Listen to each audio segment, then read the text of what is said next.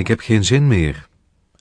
Pas vanaf vier jaar mogen kinderen de basisschool en het was volgens een nichtje van mij zeer oneerlijk. Zij was namelijk nog maar drie jaar en het duurde voor haar gevoel dus nog wel een eeuwigheid voor het eindelijk zover was. Natuurlijk zat ze wel enkele dagdelen per week op de crash, maar het was volgens haar voor baby's.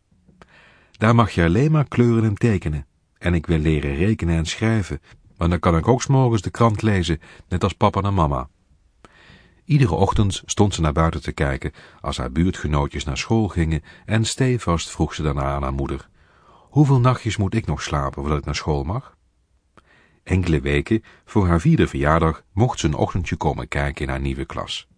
De avond daarvoor kon ze maar moeilijk inslapen en de volgende ochtend was ze al vroeg wakker. Toen haar moeder haar naar school bracht, nam de spanning zichtbaar toe en met blosjes op haar wangen en een tasje in haar handen stapte ze dapper de klas in.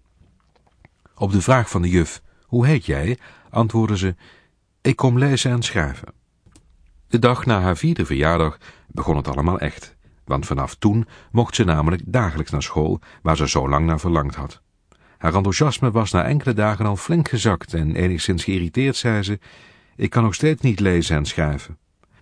Op een ochtend stond ze niet zoals haar ouders gewend waren al vroeg naast haar bed, maar lag ze nog lekker diep onder de dekens. Haar moeder maakte haar slaapkamerdeur open en zei, kom eens uit je bedje, want je mag vandaag weer naar school.